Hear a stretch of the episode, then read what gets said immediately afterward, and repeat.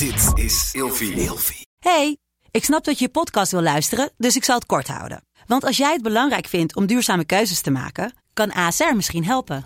Nou hoor ik je denken, hoe dan? Nou, bijvoorbeeld bij het duurzaam herstellen van schade. Of de premies die we beleggen volgens ons duurzaam beleggingsbeleid. Dat bepaalt waar we wel en juist niet in investeren. Wil je meer weten over welke duurzame keuzes ASR maakt? Ga dan naar asr.nl slash duurzame keuzes. ASR doet het. Zo, dan kan je nu lekker naar je podcast luisteren. felle lampen. En iedereen om heen lag ook op zijn rug. En eh, ineens kijk ik zo voor me en denk ik, eh, er staan er nou drie mannen daar. In het zwart gekleed. Eh, agent of zo misschien. Eh, een overval, heb ik dat gemist of zo? Weet je, Parijs is natuurlijk een grote stad, het zou kunnen. Je denkt natuurlijk helemaal niet. Ik had nog helemaal niet geïnterpreteerd als geweerschoten. Maar je voelt wel van, er, er klopt iets niet hier. Het is heel moeilijk te omschrijven gevoel in je lijf. Maar mijn brein was me wel aan het vertellen van... eh, je bent in levensgevaar. Want het kwam niet in mijn hoofd op om op te gaan staan of zo bijvoorbeeld. En ineens zie ik dat ze een geweer in hun handen hebben, ook alle drie. Doodse stilte is het ook. Dat moet je ook even erbij bedenken. En ineens mikken ze gewoon op publiek en beginnen te schieten. Ja, dan heb je... Je, hebt, je, je, hebt, je snapt niet waar je in terecht komt op zo'n moment. Maar ik wist wel 100% zeker van... Oké, dit is gewoon klaar hier dadelijk. Ik ga je dood. Hier.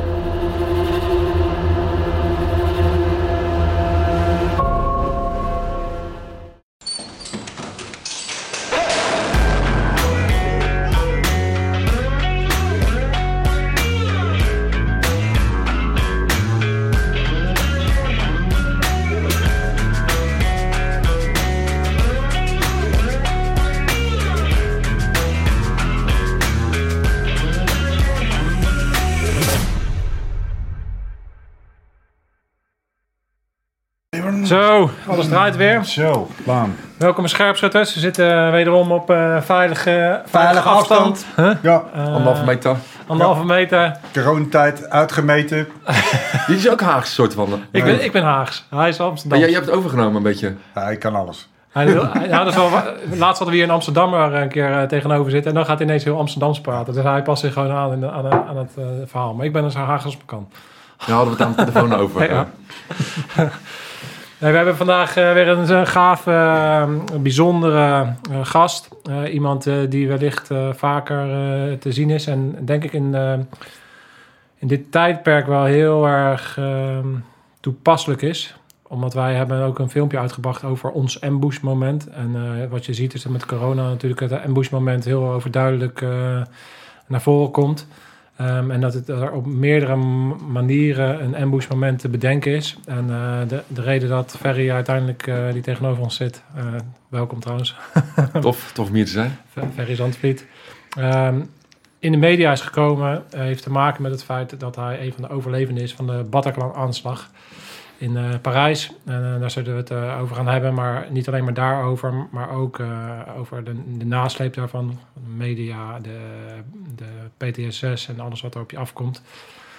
Ehm, maar dat is een ambush moment en zo, eh, dat is iets... Help me even, ambush moment. Ik ben niet bekend met die term. le- Leg even uit wanneer Nou het ja, een ambush moment kijk, is. een, een ambush moment is, is, is dat moment when the shit hits the van.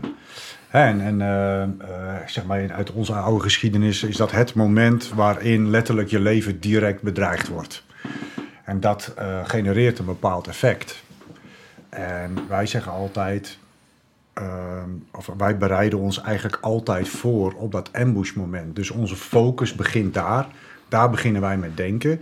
En dan plannen we als het ware terug naar de beginstatus. In plaats van dat je ergens begint en dan plant tot daar waar je niet zijn moet, beginnen wij eigenlijk daar waar je niet zijn moet. Dat is het ambush moment. Dat systeem kun je in feite als blauwdruk over allerlei zaken heen leggen. Nou, wat wij nu met het coronavirus zien, is dat, dat is een soort maatschappelijk ambush moment. Niemand wist dat het er was, een onbekende vijand. En van het een op het andere moment, bam, ja. heeft het op iedereen invloed. En er zijn drie factoren die heel belangrijk zijn. Is, eh, is dat, het, eh, dat het bijna nooit voorkomt. eh, dat het levensbedreigend is. En dat de reactiesnelheid heel laag is. En eh, dat zijn natuurlijk de factoren die, eh, die in ons werk meespelen. En daar kunnen wij ons op voorbereiden. Wij, wij, wij, onze mindset vanuit een arrestatieteam en een antiterreureenheid waarin ik in heb gediend... die zijn volledig daarop op, op gericht. Maar in je, in je normale leven kan je dus je kan je nooit overal voorbereiden. Jij, Nee. jij had je nooit kunnen voorbereiden. Het had wel gekund, maar het was onlogisch geweest als jij was gaan voorbereiden op hetgene wat jou is overkomen. Ja, dat zou heel gek zijn, ja. ja. Toch? Want, want, wat voor een leven leidde jij eh, voordat eh, die aanslag? eh, kan je even heel kort meenemen wie jij bent en waar je vandaan komt en, en, en, en ja, wat je deed toen? Ik ben 41 jaar. Ik kom uit Den Haag. Ik, heb nog een, ik ben een van de tweeling. Tweelingzus heb ik nog, eh, Wendy. En ten tijde van de aanslag was ik ehm eh, fysiotherapeut. En eh, net een beetje aan het praten. Ik zat in de maatschap om een gedeelte over te nemen van iemand die met pensioen zou gaan. Dus ik zou daar een jaar werken om te kijken of dat een beetje mijn plek was. En dan een jaar later zouden we het erover gaan hebben om te kijken of ik dat zou overnemen en voor hoeveel dan. En eh, ik had best wel een druk werkleven toen. Want ik, ik, ik werkte ook nog op een andere fysiopraktijk als waarnemer. En ik werkte nog af en toe in de horeca. Want ik heb hier, voordat ik fysiotherapeut werd, heb ik eh, in de horeca gewerkt. Hooghotelschool gedaan eh, hiervoor. Ja. Dus ik had heel druk. En ik was ook echt toe aan even een weekendje ontspanning. Even met mijn maten lekkere bier drinken. Maar dat... eh, ja. Wat, wat is voor jou ontspanning? Want je hebt, ja, het was natuurlijk een hardrock. eh of Ja. is, is het hardrock? Uh, nou, de, de, de, de bandnaam die doet vermoeden dat het echt snoeiharde metal is. Maar het is gewoon... eh, het is een beetje eh, Poeslief. easy rock'n'roll muziek. Nee, het, het is geen harde muziek. Maar daar, daar hou je van. Ik, van- nou, ik, ik, ik hou wel van een beetje metal rock, slash rock. Ja, ja. Eh, Metallica, Queens of Stone Age, Ramstein, dat soort eh Of lekker knallen. herrie, headbangen en zo. Ja. Dat soort shit. Maar vooral, ik, ik kende de band helemaal niet zo goed. Ja. Ik had ze wel eens op een festival gezien. En mijn andere drie maten, die waren er echt fan van. En ik dacht, nou gezellig, weekendje Parijs met je vrienden, biertjes drinken. Dat ja, is al leuk. Ja. ja, dus dat, ehm Maar dat liep even anders. dat liep heel anders. ja, ik kwam er niet echt ontspannen van thuis, zeg maar. Nee, dat, Goed ritje. Ja, dat is een kleine un- understatement. eh. ja, want voor de mensen die... eh, misschien dat er bepaalde mensen onder een steen hebben geleven. Even heel, heel in het kort. eh, wat, wat is Bataclan en wat is daar gebeurd? Eh Bataclan is een hele mooie concertzaal in het centrum van Parijs, vlakbij eh Place de, de Republiek. Het is een eh, oud theater. Eh, Ik, ik omschrijf het altijd een beetje, eh, een beetje Mou- Moulin Rouge-achtige vibe hangt er binnen. Als je dat, veel rode gordijnen en eh, eh, heel klein is het. Ehm, met, qua grootte een beetje zoals Paradiso in Amsterdam. Misschien ietsjes breder, maar niet veel groter dan dat. Goed, wij gingen daar lekker een bandje kijken. Eagles of Death Metal. En ehm, we kwamen best wel laat binnen. Dat voorprogramma was al bezig. Eh we wurmden ons dus door zo'n mensenmassa heen. Want je staat hier gewoon hutje-mutje op een uitverkocht concert. Dat is in Nederland ook zo. Dat was daar niet eh, anders. Eh, we wilden eerst rechts voor het podium staan. Daar zagen we een lege ruimte. Maar later zijn we toch meer naar de linkerkant verhuisd. Want daar was de bar. Ja, dat is... dat is ik, ik weet dat jullie... eh, Niet onbelangrijk. Nee, ja, jullie eh, kijken denk ik altijd naar de nooduitgang, maar wij naar de bar. Ja. Van eh pissen en bier halen. Dat is natuurlijk een beetje hoe je die avond doorbrengt. Net als een verjaardag staat ook iedereen altijd in de keuken. Ja, wat is dat? Ja, ja, natuurlijk dicht bij Dicht bij de de... ijskast. En, ehm, En je kunt eh, pissen in de zink. Gewoon in de grootsteen. Hoppa, ja, ja, precies. Ja, vaak gedaan. Ja, in de badkuip. In de douche altijd. Eh, niet belangrijk. nu al uh, Too much detail, too much detail. wat wil ik zeggen daarover? Maar we stonden dus daardoor bij een nooduitgang. Zonder dat we dat eh, eh, wisten. En ehm, ja, op een gegeven moment begint het concert. En eh, dat is zo'n half uurtje bezig. Ehm, en na een half uur gaan ze een wat, eh, wel een van hun heftigere nummers spelen. Die, die wel best wel metal-achtig is. En mensen een moshpit gaan bouwen. Ik weet niet, houden ja, jullie van ja. metalmuziek? Nou, Nee, maar ik ken Het was is een de moshpit? moshpit gestaan. Nee, jij wel? Of niet? ik weet wat het is, maar vertel maar aan deze oude bok. Ja, dat, dat, dat is zeg maar, de- wanneer er heftige gitaarstukken zijn in de metalmuziek, dat tot de band gaat iedereen staat te eh, headbangen, dan gaat iedereen elkaar wegduwen Oh, Oké, ja, ja. en in rondjes rennen. Dus mijn maten die duiken die uh, moshpit in. En ik, ehm, ik heb een aantal jaar geleden mijn enkel heel complex gebroken, waardoor ik niet meer kan rennen en eh, eh, springen. Dus toen dat losging, had, had ik zoiets van, eh, oké, ik blijf even aan de zijkant staan. Dus ik stond meer aan de, bijna helemaal tegen de muur aan en mijn maten die waren zo aan het rondrennen. En toen ineens hoor ik wat knallen achter me. Ook best wel zacht eigenlijk. Wat, tenminste, wat ik me eh, herinner. We hadden het net wel even over hiervoor, tijdens een bakje, over dat geluid dat wegvalt. Ik weet dat ik iets hoorde achter. En ik, kijk even naar achter van, hé, hey, wat is dat voor geluid?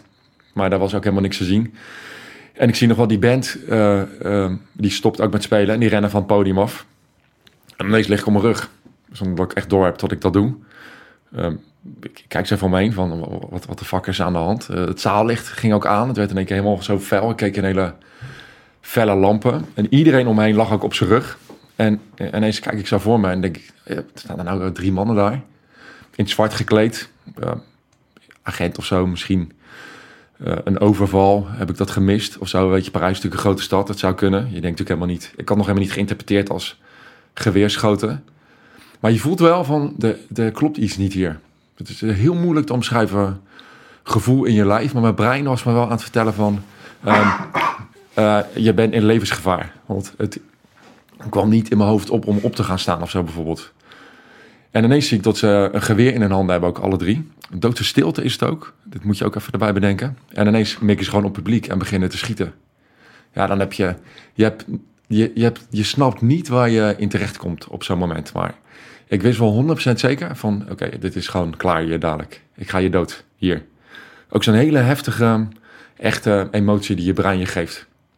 En dat heeft, denk 15 minuten geduurd. We weten niet precies hoe, hoe lang we daar eh, in die aanslag gezeten hebben. Ja, je ziet om je heen eh, mensen geraakt worden. En je weet gewoon, oké, dit is gewoon mijn laatste moment hier. Nou ja, je ziet eh, dat dat gelukkig dat, dat, dat dat niet klopt.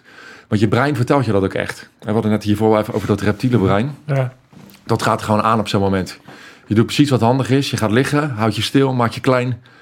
En dat is natuurlijk het slimste om te doen. Want als jij gaat staan in een menigte die op de grond ligt... dan ben je natuurlijk de eerste die geraakt wordt. Ik heb al vaker dat mensen na presentaties zeggen tegen me van... Het is al wel slim dat je op je rug bent gaan liggen en jezelf klein hebt gehouden. Nou, ik kan me niet, ik, het is geen bewuste handeling geweest. Het eerste wat er gebeurt is je cognitie wordt uitgeschakeld en eh, het Ja. systeem gaat door- door naar, naar het dierlijke eh, Overleven. Je bent helemaal Ja. niet aan het denken van wat moet ik doen? Moet ik mijn vrienden gaan helpen? Moet, eh, je denkt alleen maar, oké, ik moet overleven. Ik maakte me heel klein op een gegeven moment ook. Ik probeerde achter iemand te kruipen. Dat, dat lukte natuurlijk helemaal niet, want, want iedereen ligt gestrekt.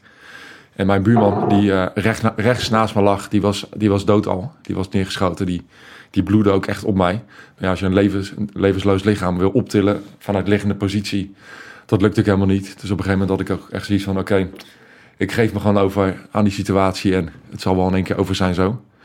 En ineens is die deur opengezet. Ik had al niet door, maar één voor één gingen mensen heel voorzichtig ontsnappen daaruit. En ik ben er gewoon meegekropen, want iedereen tijgerde op handen en knieën die zaal uit. En dan ineens sta je buiten. Ook, ook zo fucking onwerkelijk. Want je bent een kwartier daarvoor ben je een biertje aan het drinken, sta je te feesten en te springen en ineens ren je daar buiten. Het was super koud ook. Ik had geen jas aan en ik, ik weet dat ik de hele tijd ook dacht van, dit, dit klopt niet. Weet je, dat concert gaat gewoon door en eh, ik, ik heb het gewoon niet goed gezien. Er werd, was, werd helemaal niet geschoten. Je, je hebt ook van die bands die bij sommige stukken in een, in, tijdens concerten zeggen... ga allemaal op de, op de grond liggen en spring weer omhoog. Dat ging door mijn hoofd van... ah ja, volgens mij is dat gewoon aan de hand, weet je wel. Ja. Je denkt helemaal niet... Act. Het is te groot om te... Binnen een kwartier kan je het ook helemaal niet bevatten waar je in terecht komt. En er was overal paniek op straat, want er was natuurlijk in Parijs sowieso... waren er al... Of er waren op vijf of zes plekken al geschoten op dat moment dat er in de Bataclan werd geschoten. En op, in die wijk waar ik dus naar buiten rende, waren ook al mensen die vanuit die andere plekken aan waren komen rennen. Dus je rent ineens op straat zo van, wat de fuck is hier gebeurd? Ik was twintig jaar niet in Parijs geweest en ineens is het oorlog. Ja. Dus dat stukje even in de Ja, even vogelvlucht. erop. Ja. Nee, even, even maar water bij schenken. Ja, Watermomentje. Ja, kijk, hij, Kijk. hij doet het gewoon zelf even. Ja. Maar mag dat met Ja, corona? Corona is Ja, dat nee, zeker. Ja, we drinken niet uit dezelfde kan, mensen. Nee. Dus niet, niet gaan zeiken. Nou, wa- waarom het natuurlijk voor mij... eh, waarom ik het wel bijzonder vind om met jou in gesprek te gaan eh, over, over deze situatie... is omdat ik eh, bij de antiterreureenheid eh, heb gezeten... van de Unit Interventie Mariniers. En daar was ik tactisch commandant. En wij waren letterlijk verantwoordelijk voor een Bataclan-achtige situatie in Nederland. Dus op het moment dat deze situatie in Nederland had gespeeld... dan, ja, dan hadden wij daar naar, naar binnen gemoeten om dat op te lossen. Binnen de dienst speciale interventies heb je dan een op, bepaalde opschaling. En wij, ik heb regelmatig getraind op eh, theater, zaantheater. We hebben allerlei scenario's gehad die letterlijk gewoon dat, dat was, zeg maar. Ehm, dus het is natuurlijk bizar om dat te, te beseffen, zeg maar. En eh, jouw eh, verhaal is natuurlijk eh, aan de ene kant eh, heel, heel bijzonder... aan de andere kant ook heel waardevol... omdat natuurlijk dingen uitkomen waarop ik vanuit een professie naar kijk. Ik, kijk natuurlijk, ik luister natuurlijk ook als mens... En dan denk ik, wauw, en, en, en eh, wat heftig. Maar ik kijk ook als professional daarnaar. Ja, En dan kijk ik natuurlijk met een hele andere bril ja Om- interessant waarschijnlijk is het om te horen ook. Om, Ja, te, om, om, ja, om, ja nee, dat snap ik ook wel. om te zien, wat, wat, wat, je kan wel bepaalde procedures bedenken, maar het menselijk gedrag Ehm, wat er dan dus daadwerkelijk gebeurt en hoe, hoe, hoe, hoe zich dat ontwikkelt, dat kan bepaalde procedures anders laten uit, uitvoeren eh, dan je misschien van tevoren bedenkt. Maar Ja, dus- ik, ik heb ook laatst met, met een kenner gesproken. Ik weet even niet meer wat zijn functie precies was, maar na een lezing van mij over dat reptiele brein ging. Dat hij zegt, hij zei die, die aanslag van jullie die was heel uniek, doordat het in een soort eh, doos gebeurde. Ja, je zat gewoon in een afgesloten ruimte. Jullie konden geen kant op. Dan heb je ook dat reptiele brein, dat, dat, dat handelt dan ook heel anders dan wanneer je bijvoorbeeld eh, zo'n aanslag in Nice hebt in de openbare ruimte. Waar iedereen echt verspreide. Eh, meteen vlucht. Want Ja. de eerste reactie is vluchten namelijk. Ja, en dat konden wij niet. Mensen Maar- denken maar- altijd dat, dat, er- dat een reactie is eh, vechten, bevriezen, vluchten. En dat wordt in één adem genoemd. Nou, dat is niet wat ik heb gedaan die avond. Nee. Maar, maar, maar de, de allereerste reactie van iedereen is vluchten. En vluchten kan zijn, is het eerste wat je wil doen, is je wil je, je systeem beschermen. Dus de vlucht is in eerste Ja. instantie dat, of afwenden van het gevaar of weg. Oh, die kan je anders interpreteren. Ja, dat, dat is de eerste vlucht. En daarna zie je dat mensen of bevriezen of eh, in een, in een eh, vechtstand komen. Eh, maar bij jullie zag je dus Ik, ik bevroor gelijk. iedereen bevriezen. Ja. En Gewoon- niemand heeft ook de ruimte om te vluchten. Nee, nee want ja, wat, wat moet je... Ja, je, je kan nergens heen. Nee. Ja, en vluchten had je dood betekend, omdat je dan... Ja, jij steekt dan boven het grasveld uit. Ja. Letterlijk, als je dat zou doen. Ja. Dat vond ik ook wel interessant. Het, is heel situatieafhankelijk ook hoe je... En, en, je hebt, en uiteindelijk ben je natuurlijk wel in staat gekomen om te vluchten. Had je het gevoel dat je ook meer in je cognitie kwam op het moment dat je er dan... eh, nee, echt totaal niet. nee. Nee. ik, ik, ik, ja, je bent gewoon een soort kuddedier. Ja. Want op een gegeven moment kroop iedereen die zaal uit. Ook niemand ging staan, dat was ook zo bizar. Gewoon iedereen dat deed, ook op handen en knieën. En ja, je gaat gewoon meekruipen. Ja, dacht, kan- of blijven liggen. Ja, ik, ik kan er nu over nadenken, maar zo dacht ik daar toen niet aan. Ik ging gewoon mee. Want ik kreeg allemaal schoenen in mijn gezicht. Oké, ik ga ook maar kruipen. Geen idee waar naartoe. En ineens zie je, oh fuck, dus ik kan naar buiten. Dus ik zie licht naar binnen schijnen. Ja, dan ja, een oerkracht in jezelf ook die ontstaat. Dat is echt bizar. Maar ook, ja, in het begin vond ik dat wel heftig om te vertellen. Dat je ook gewoon mensen in hun gezicht trapt en zo. En ook echt verdrukt. Maar Ja, daar helemaal hoef niet. je helemaal niet, eh, daar hoef je helemaal niet eh, romantisch over te doen. of, Nee, eh, ik voel me ook niet meer schuldig over hoor. Nee. Dat, dat heb ik al dat proces doorgemaakt. Maar Ja. dat is gewoon je, je, je instinct die Ja, ervoor zorgt dat je gewoon zo snel mogelijk jezelf in veiligheid brengt. ja. is maar goed ook dat dat zo werkt. En Ja. dan loop je buiten en, eh, en dan is het koud. En eh, dan, Ja. komt, dan komt er een moment waarin je wel gaat beseffen wat er gebeurd is. Ja, dat heeft heel lang geduurd. Want ik, ik heb eerst in een bar zitten schuilen met heel veel mensen. En daar was het ook nog paniek gewoon. Omdat die Charlie Hebdo was ook in die buurt. Dus die hele wijk was al, dat was ik datzelfde jaar. Stond op die, scherp, die cartoonisten, die stond op scherp. En Want was, welk jaar was het ook weer? 2015. 15, hè? Ja. En eh, terwijl ik in die bar zit te schuilen... eh, ik ren daar met, ja, met tien mensen naar binnen of zo. Niet mijn vrienden, hè, die was ik uit het oog verloren.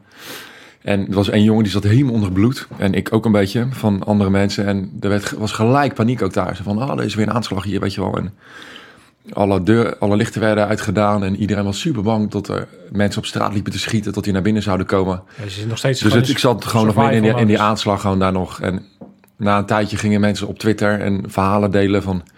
Oh, er worden mensen gegijzeld nu en er is een aanslag of er, er is een bom ontploft bij uh, Staat de Frans en op terrasjes geschoten. Ja, dus ik zat daar ook vol in de... Ik weet nog dat ik naar het toilet ging daar. Keek naar mezelf, waren mijn ogen echt zo groot nog van de shock. Dus het heeft echt wel lang geduurd. Ik ben op een gegeven moment met een Franse vrouw mee naar huis gegaan. En daar op de bank bij haar. Ja, toen werd ik voor het eerst een beetje kalm. Hoewel, ja, ook een relatief begrip. Want je telefoon die blijft maar gaan. Omdat iedereen thuis natuurlijk je wil spreken. Er zijn nog journalisten die door een Facebook bericht van mij uh, me probeerden te bellen. Ik had een post gedaan van, joh, ik ben oké, mijn vrienden ook. Ja. Zodat iedereen dat even wist gelijk. Omdat niet al mijn vrienden konden bellen. Uh, bij, en één was zijn telefoon verloren en eentje, die, zijn telefoon was helemaal uh, verbrijzeld. Dus ik dacht, dan weet iedereen dat wij in ieder geval oké okay zijn. Maar ja, denk je helemaal niet over na. Tot misschien ook als journalisten dat lezen. Want ik had een bepaalde melding had ik beantwoord. De, ze hebben zo'n safety check af en toe bij heftige incidenten op Facebook. Ja. En als journalist kan je die ook gewoon zoeken. Ja. Dus ja, dat ja. is gewoon een soort database voor journalisten om uh, slachtoffers uit te trekken. Dus daar midden in de survival modus is het meteen aanschieren mars voor de media. Ik, en, uh... ik, ik ben ik ook niet overdrijven hoor, maar ik ben wel door een journalist al gebeld toen ik in dat café zat nog. Ah. Het dacht ik, Ik nam op, ik dacht, wat de fuck, wat, wat moet je van me en hoe weet je dit? is sneller dan inlichtingendiensten. Eh, dat is eigenlijk bizar eigenlijk. Ja, Als je daar als je op die manier eh, over nadenkt. eh, so- social media's, die zijn daar echt eh, veel geheide in. Ik weet dat je, het Rode Kruis heeft ook een website waar je naartoe kan tijdens een aanslag. ja. www.rodekruis.nl, dat gaat natuurlijk helemaal niemand doen. Nee, Nee. dat, dat, dat- en, en dat is ook een openbare site. Ik bedoel, dan maak je het ook echt heel makkelijk voor journalisten. Hey, en, en, heb, heb, jij, heb jij, heb jij eh, want jij noemt dus, eh, maar dat weet je waarschijnlijk achteraf. Je hebt dus gezien dat de arrestatieteams naar binnen gaan. Want de, de reden dat ik hier een beetje op in, door wil gaan is omdat ik snap dat je al heel veel interviews hebt gegeven. En het is natuurlijk vijf jaar later en je hebt je verhaal heel vaak verteld. Ze willen niet precies hetzelfde verhaal vertellen, maar wat er natuurlijk interessant is om te kijken van oké, wat gebeurde er tactisch nou? En wat heb jij iets meegekregen van wat er tactisch gebeurde om uiteindelijk de situatie te stabiliseren? Heb jij, eh, heb je mensen van het arrestatieteam gezien of heb jij dingen meegemaakt? Nee, ik niet, maar ik weet het wel een beetje. Ik, ben best wel snel die, die Bataclan-regio ontvlucht. Maar mijn vrienden zijn vlak bij de concertzaal gaan schuilen. En als ik het goed begrijp, ehm, is dat pand waar zij in zaten door het, het AT of iets dergelijks. eh, Eh, de Raid of GG, eh, GGN? ik weet niet hoe je dat noemt, maar, maar die- is helemaal ontruimd. Ja. En ze moesten met hun handen op hun hoofd moesten naar buiten komen. En, en toen duidelijk was dat zij niks met de aanslag te maken hadden, zijn ze in bussen afgevoerd. Ja. Maar volgens mij is, als we het even in de tijdlijn bekijken, volgens mij is na een half uurtje ongeveer, was de politie ter plekke. Dus niet AT. En volgens mij heeft een politieagent ehm, de eerste, een van de eerste terroristen doodgeschoten. Ik weet niet of jullie dat weten ook, maar dat was dus gewoon een eh, iemand in blauw. Ja, Een grote held is dat ook, wat helemaal niet zijn taak is natuurlijk. nee. En dat Nee, is gewoon niet. Nou, we- ja, maar moeten die niet wachten tot er eh, een eenheid zoals die van jou aanwezig is? Nee, nee, geval? nee. Ja, ik weet het niet hoor. Ik, ik, Nee, Ah, ja, nee ja, dus dat is natuurlijk een hele eh, interessante discussie. Want je kan natuurlijk, als, je het even heel, heel erg eh, bundelt, dan stel je hebt een huis. En dan komt een politieagent binnen. En er is, ze weten dat er iemand met een wapen binnen ja, zit. ja. En op het moment dat, daar- dat zij dusdanig aanwijzingen hebben dat daar iemand vermoord gaat worden, ga je dan wachten op een, eh, op een AT of ga je zelf naar binnen? Je bent uiteindelijk ben je, ben je verantwoordelijk voor de veiligheid. Eh, dus om hem zo even plat te slaan, dan is dan, dan Dat- nee, in zo'n situatie moet iedere, iedere vent die wapen, wapendragend is, die moet daarop ja, handelen. die moet gewoon naar binnen dan. Ja. Eh, en, en dat is natuurlijk ook heel interessant aan dit verhaal, omdat ik ben eh, tactisch commandant geweest van een bijzondere bijstandseenheid. Eh, die is doorgegroeid naar, naar de unit interventie mariniers. eh, binnen de dienst specia- speciale interventies. Maar daar zie je dat natuurlijk vanuit die, al die eenheden zijn opgericht vanuit een situatie in de jaren 70 waarin er altijd gijzelingssituaties waren. waarop je grootschalig situaties hebt en mensen gegijzeld worden in de trein. Bijvoorbeeld hè, de treinkaping, dat is een directe aanleiding geweest. En München natuurlijk. De, maar je ziet dat het, het terreur natuurlijk dusdanig is veranderd. Dat de first responders eh, vaak eh, achterlopen. In die tijd met name nog. Nu zie je dat er rapid response teams opgezet zijn. En dat die eh, alarmtijden zwaar verkort zijn. Maar in die tijd, ja, in zo'n in zo'n verhaal kan natuurlijk nooit het zwaarste geweldsmiddel als eerste ter plekke zijn. Dus dan, Ja. Dat, dat komt dat er dan een politieagent als eerste. En, en, en er was natuurlijk die nacht veel meer aan de hand. Ze zijn natuurlijk allemaal eerst naar het voetbalstadion gegaan. Ik kan me zo voorstellen, ik weet niet of het zo is, maar... ja, En toen die terrasjes in de stad en toen dat theater. ja, Ja, dat was wel, wel, degelijk, zeg maar, een soort gecoördineerde aanval. Ja, ja. Kijk, ik denk dat het grote verschil is dat eh, in de jaren zeventig werden eh, groepen mensen eh, gegijzeld of gekaapt. Om dan vervolgens met eisen te komen en een punt te maken. En dan schuwden ze eh, geweld niet. Hè. Er zijn er mensen ook bij geëxecuteerd. Maar dat is meer om iets gedaan te krijgen. Wat je nu ziet, is dat er eh, gerichte aanvallen zijn waar eigenlijk direct slachtoffers gemaakt worden. Dus er wordt niet meer iets geëist. niet meer Nee, onderhandeld. je gaat ergens Ja. heen en je gaat slachtoffers maken. En dan later is er een andere cel die je zegt van... eh, eh, ga je nu eens een keer wel naar ons luisteren of zo? Ja, ja. Dus in die zin Dat wordt, is het wordt grote antiterreur verschil. reactief, hè? Ja, dus dat betekent eh, dat je met name aan, nu in deze tijd aan de voorzijde van het terreur moet gaan zitten. Hè, zo om erachter zien te, eh, zien te komen eh, wie, wie is zich aan het formeren, wat, waar hebben ze het met elkaar over, wat bestellen ze, eh, eh, et cetera, et cetera. Zodat je het kan voorkomen. Maar als eh, het eenmaal in gang gezet is, ja, dan, eh, dan is dit wat er gebeurt. ja. Dus dat is alleen Dat is een maar, groot eh, verschil. escalatie tegengaan en eh, eigenlijk eh, reageren en stabiliseren van de situatie. En wat je ook aangeeft is natuurlijk dat er, dat er beweging ook nog eens een keer in zit. Dat maakt het nog eens een keer moeilijker om te reageren. Ja, Omdat alle informatie die binnenkomt, die is tegenstrijdig. En ehm, dat zag je ook met, de, met in Duitsland was op een gegeven moment ook zo'n aanslag. En dat, uiteindelijk leek het wel alsof er drie, vier, vijf mensen waren. Uiteindelijk blijkt het dan maar één iemand te zijn. ja, Maar dat komt omdat er zoveel ruis is op de lijn. ja. Dus dat, eh, veel paniek. Ja, veel En, paniek. en iedereen die al ook was heel veel nep nieuws op Twitter al heel snel. bizar. Die nacht ook. Ja, Ja, dat is, dat is, dat is best, eh, best eh, raar is dat. Hè? De, de- de- hè, Ja. j- Jij hebt er middenin gezeten, dus jij hebt daar in feite volgens mij eh, heel veel nieuwsberichten ook eh ben je tegengekomen waarvan je denkt van waar komt dat vandaan? Nou, ik heb die nacht en de weken daarna echt helemaal niks opgezocht of bekeken juist. Ik heb een beetje afzijdig gehouden, omdat eh, we hadden net al eventjes die, over die vergelijking met het coronavirus met een bakje net. Dat je er niet aan ontkomt. Dat gevoel had ik toen ook een beetje. En ik dacht, ik word helemaal gek joh, als ik het woord Bataclan nog één keer hoor dan... Ik weet niet, ik had de douche aan, of de radio aan onder de douche. Daar hoorde ik Bataclan in de auto. Hoor je het gelijk. Stond er een bord in Rotterdam naast de weg van... Rotterdam leeft mee met de slachtoffers van Parijs. Dat je denkt, fuck, ik kan het even niet meer aan om die naam te horen gewoon nu. En dat heb ik nu ook een beetje met dat corona. Dat je, ik, Oh. ik, weet, ik heb toen de tijd al mijn eh, pushmeldingen uitgezet op mijn telefoon. Dat heb ik nog steeds nu. En ik heb sinds corona heb ik al mijn nieuwsapps verwijderd. Alleen nog maar teletext heb ik. ja. Gewoon geen foto's of hysterische reporters, weet je wel. Maar gewoon feiten. ja. Is een soort van feiten. En gewoon kort, krachtig. Het geeft wel rust ook hoor. Het Kan, kan ik iedereen uitzetten. aanraden. Ja, Nu deze tijd. ja, goede zaak. Ja, dat denk ik ook. Dat, hebben dat zet ik mezelf eh, ook volledig achter.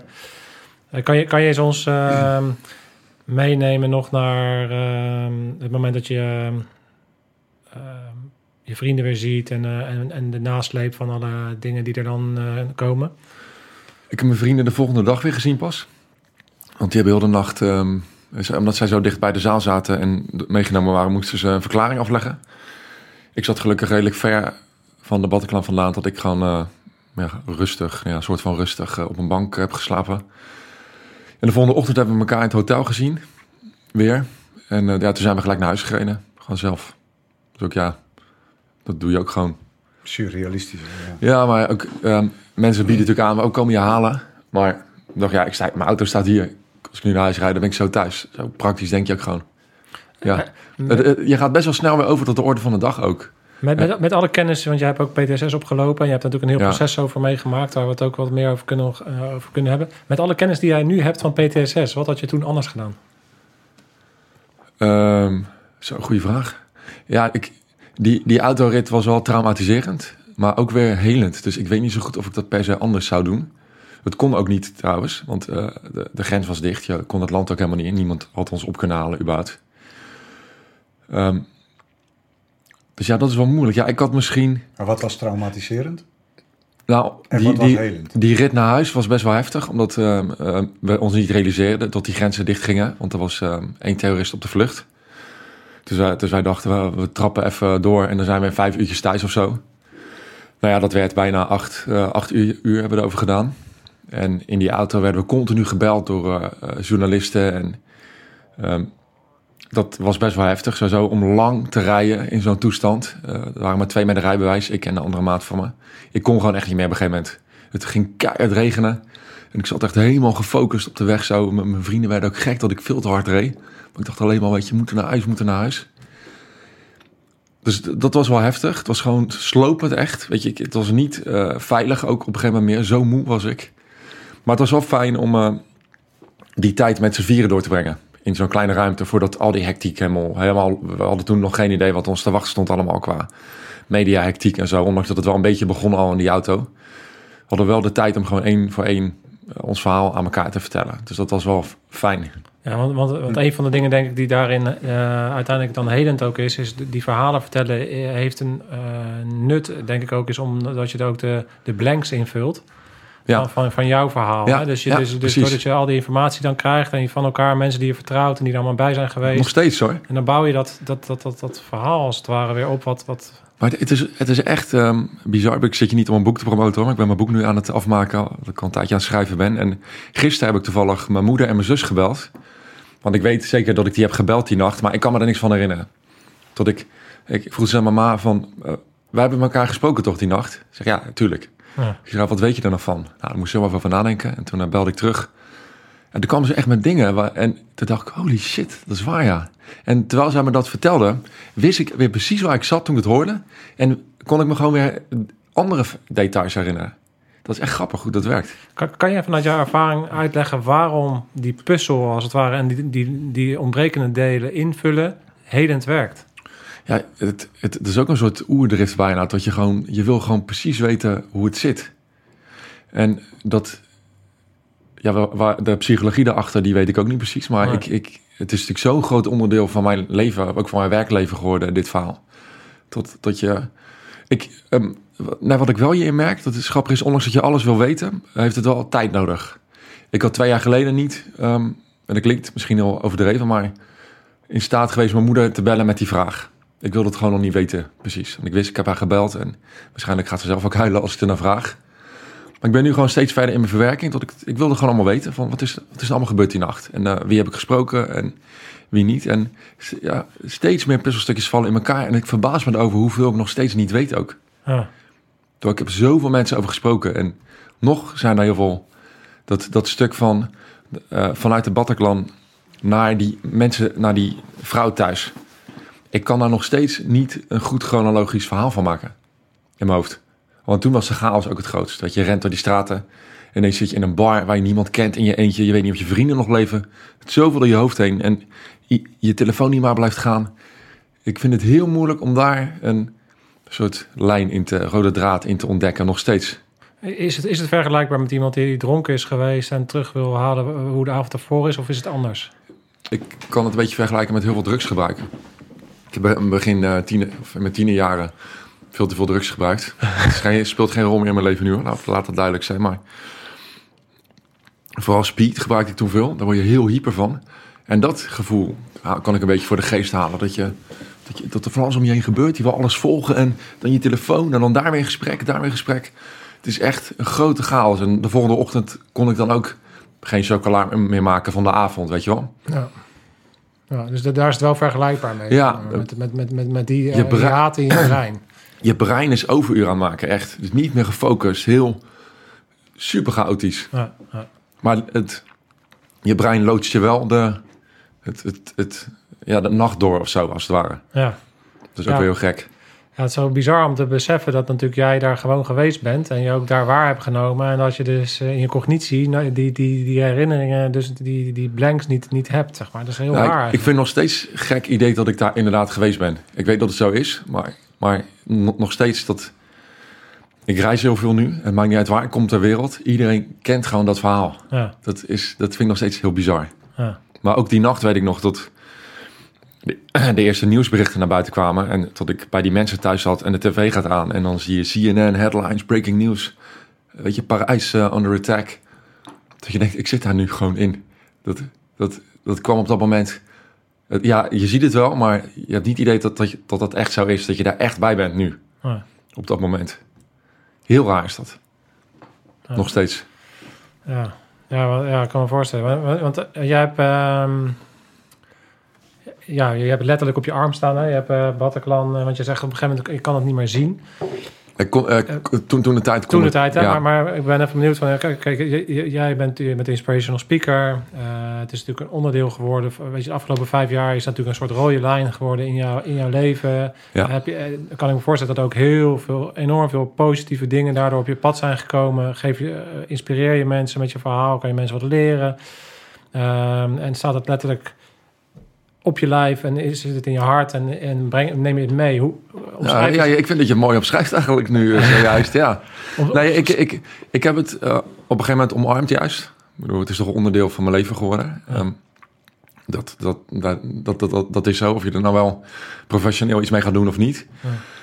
En ja, dat pad dat ik ben gaan bewandelen, ik wist ook niet dat ik dat aan het bewandelen was. Ik werd eh, toevallig door iemand, eh, door een familieregisseur, waar ik eh, aangifte ging doen in Rotterdam. Mijn vrienden hadden natuurlijk allemaal een verklaring en ik niet. En eh, iemand had gezegd van, joh, dat moet je toch even doen. Weet je, weet nooit of je dat nodig hebt. Nou, dat bleek later. Voor een schadevergoeding moesten we dat hebben. En toen ik mijn verklaring af ging leggen, zei hij van... eh, God, jij kan echt goed kletsen. Wil je op, je, op mijn ploegdag een keer je verhaal komen vertellen? En ik was echt scheid nerveus voor presentaties vroeger. Ik kon dat ook echt niet. Ik deed het ook maar één keer per jaar op school. Als je groepje jou naar voren schoof, weet je wel. Van, nou, weet je, nou moet jij een keer. Ja, dan word je er natuurlijk nooit echt eh, heel goed in. Dus ik dacht, ja, dat is wel tof om een keer te doen. En ze hadden een hele veilige setting met alleen maar eh, politieachtige mensen. Eh, ik weet niet meer precies wat eh, de setting van de dag was, zo lang geleden alweer. Maar... Dus ik voelde me al veilig om voor die mensen mijn verhaal te vertellen. En ja, dat ging eigenlijk zo goed. Ik kreeg een staande ovatie aan het einde. eh, dat ik toen al dacht van, wow, oké, dit, is- dit is wel heel vet dit. En er zat iemand in de zaal. Zei van, joh, kan je bij mij een keer je verhaal komen vertellen binnenkort? Het was een paar maanden later. Toen kon mijn verhaal weer een beetje fijn tunen. En toen werd ik voor een TED-talk gevraagd. En weet je, dat, dat TED is dat, dat, dat, dat, Ja, eh, dat, dat dat, dat internetplatform waar mensen korte ideeën en verhalen delen. En toen ben ik echt goed naar mijn verhaal gaan kijken. En toen ik, dat heb ik helemaal zelf gedaan ook. Dat, dat 12 minuten kreeg ik daarvoor. En dat was voor eh, 600 man. Dat was echt mijn derde presentatie. Dat was echt, qua zenuwen heb ik niet heftiger iets meegemaakt dan dat moment vlak. Dat jouw naam wordt voorgelezen. Dan denk je ook, dit gaat niet. Ik ben niet degene die dadelijk naar die stip moet lopen. Oh, en dat hele theater toe moet spreken. Ja, toen is wel echt een, eh, iets in me aangewakkerd. Van wow, dit is echt fucking gaaf dit. En voor mij wat- kan ik het ook wel. En wat was je boodschap? Nou, die boodschap, dat is iets waar je wel echt jaren mee aan het knutselen bent. En het, dit zat er, het was toen veel. Ik heb die TED-talk ook van online laten halen. Ik kan hem wel naar die door- doorsturen als je hem wil zien. Maar ik vind hem veel te grof en hard en niet subtiel. Maar dat is ook hoe, hoe mijn verhaal nog was toen. Eh, de, nu is het veel meer gefine-tuned. Er zit wel een beetje positiviteit al in van... ehm, dat ik minder boos ben geworden en eh, de, weet je, veel meer geniet van het leven. Maar niet zoveel meer dan dat. Later ben ik echt naar mezelf gaan kijken van... nou, wat is nou echt veranderd in mijn in mijn lijf, weet je wel. Waarom ben ik nou zo positief? En eh, dat is nu mijn... Ja, dat is een proces van jaren geweest ook. Nou, weet je waarom ik dat heel erg eh, belangrijk vind om te benadrukken, zeker ook in deze tijd? Omdat als je, als je weer kijkt naar jouw ambushmoment en naar het ambushmoment waarop we met z'n allen in eh, Nederland zitten. Je, eh, je kan natuurlijk heel erg ehm, ehm, zo'n beleving zien als een ramp of een ellende. En, en dat is ook zo. Zoals ik En vroeger Zeker ook als er mensen doodgaan. En dat is, die, die- de ramp en de ellende is, dat, is- dat is helder. Maar uiteindelijk, uiteindelijk is het natuurlijk ook iets dat uiteindelijk daarom gaat. Is hoe jij daarmee omgaat en wat je daarmee doet. Of het dan uiteindelijk iets wordt wat ook waardevol is. Naast dat het een, een hele nare, duistere kant heeft, dat het, dat het, dat het dus uiteindelijk gewoon iets, iets moois wordt, eh, wat voor jou Ja. iets positiefs is. En dat moet je echt zelf doen. Dat moet je zelf doen. Ja, en dat is heel moeilijk. Ja. Ja, en Want dat duurt hoe- heel lang. Hoe heb jij dat, kan je dat proces van, van, van iets ellendigs naar iets positiefs en waar je nu staat, is menen? Wat, wat komt er dan allemaal op je af? Nou ja, het, ik, het is wel goed wat jij net zei. Ik, ik was vroeger namelijk ook echt zo iemand die als er, als er iets, iets negatiefs gebeurde in mijn leven, dan kon ik dat echt gebruiken om sympathie te krijgen van andere mensen. En dat, ik zei net al, ik heb heel veel drugs gebruikt vroeger. Ja. Mijn ouders gingen scheiden toen ik 17 was. Ja, is gewoon vervelend. Niet leuk. Ehm, maar ik gebruikte dat echt. Ik, molk, ik, ik melkte dat helemaal uit toen de tijd. En dat, dat, dat kon met een nieuw vriendinnetje zijn om zielig gevonden te worden. Of op een verjaardag met wildvreemden kon ik gelijk over de scheiding van mijn ouders beginnen. Van kijk eens hoe zielig ik ben. En, maar dan, je, je trekt ook mensen aan die ook zo in het leven staan. Dan, Ja. dan heb je heel veel van die mensen om je heen die zich allemaal zielig vinden. En we, ik kwam op, in zo'n groep, met zo'n groepje mensen, eh, werd ik bevriend. Allemaal heel veel drugs gebruiken met elkaar. En ik begon echt daar me... Ik wilde eigenlijk gewoon niet echt dealen met hoe ik me voelde door die ehm, scheiding. Ik wilde er niet echt mee dealen. Ik wilde alleen maar over zeiken. En ik ging het ook nog mezelf helemaal verdoven door heel veel drugs te gebruiken. Tot ik echt tot mijn 30ste, 35ste daarin ben blijven hangen echt. Echt dat ik echt een beetje oude zeikert werd ook. Dat, ik gebruik die term ook omdat een, een maat van me laatst naar een presentatie kwam kijken. En die zei ook, hij zei, jij was zo'n oude zeikert vroeger. Toen zei ik, ja, ja, het is ook echt zo. Ik schaam me ook echt hoe ik me vroeger eh, ge- gedroeg soms. En toen dit gebeurde, toen had ik wel gelijk al zoiets van... Oké, dit is zo groot, dit. De- hier kan ik echt de slachtofferrol induiken. De- ik- dit kan ik nog heftiger uitmelken, maar ik ga dat niet weer doen zoals toen. En natuurlijk oud, oud, oud gedrag, dat leer je niet zomaar af, want het zit toch een beetje in mij. Ik voel het ook vaak nog wel omhoog komen. Maar er kwamen bij mij best wel veel, heel snel al echt fucking mooie dingen op mijn pad. Ik bedoel, ik ben met, met mijn vrienden heel snel op tv geweest toen al. En eh, iedereen had dat interview gezien bij eh, Late Night toen, bij Umberto Tan. Die hebben dat ook echt heel netjes gedaan toen de tijd. Waardoor we superveel herkend werden op straat, maar ook mensen die ons vakanties gingen aanbieden. En eh, dat hebben we niet aangepakt, maar het was wel heel tof om te voelen dat er zoveel echt een bak positiviteit onze kant op kwam. Er waren mensen op straat die ons gingen knuffelen. Goed, dat, dat mag niet meer nu natuurlijk, maar ik verlang wel weer terug. Ik, ik mis knuffelen wel trouwens. Ik ben echt een, een hugger ben ik. Dus en ehm, ik, ik ben al heel snel in contact gekomen met de vader van een van de terroristen. Ik heb het zo ook nog een beetje over hebben. En dat ik, ik had zoveel mooie dingen al heel snel in mijn leven, dat ik wel dacht van, wauw, dit is echt vet. Weet je, dit wil ik blijven, dit wil ik houden. En, en mijn omgeving begon ook al snel eh, tegen, het begon dan ook op te vallen dat ik echt die oude niet meer was. Ja, dit, dit- ik, ik probeer dat het een beetje uit te leggen als, ehm, ik, als je zo'n boos mannetje bent, hè, die altijd in de slachtofferrol kruipt, eh, ja, je moet eerst erkennen dat je altijd boos wordt. En dat erkende ik nooit. En nu wel. En als ik nu boos word, dan stel ik mezelf altijd de vraag van... oké, ehm, moet ik je iets mee? En waarom word ik boos? Hè, als je vriendin naar haar kort hebt geknipt, ja, mag je wel boos worden.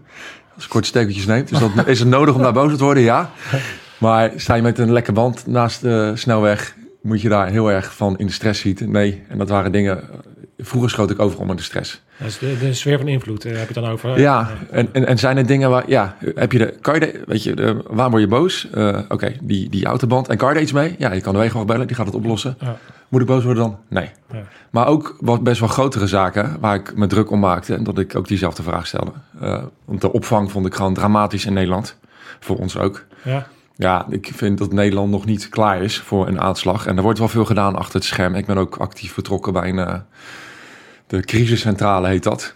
Dat is een soort noodnummer dat, je, dat wij bijvoorbeeld hadden kunnen bellen toen wij eh, terug naar huis reden eh, na die aanslag. Want niemand nam contact met ons op. Niet van de ambassade, gemeente, slachtofferhulp.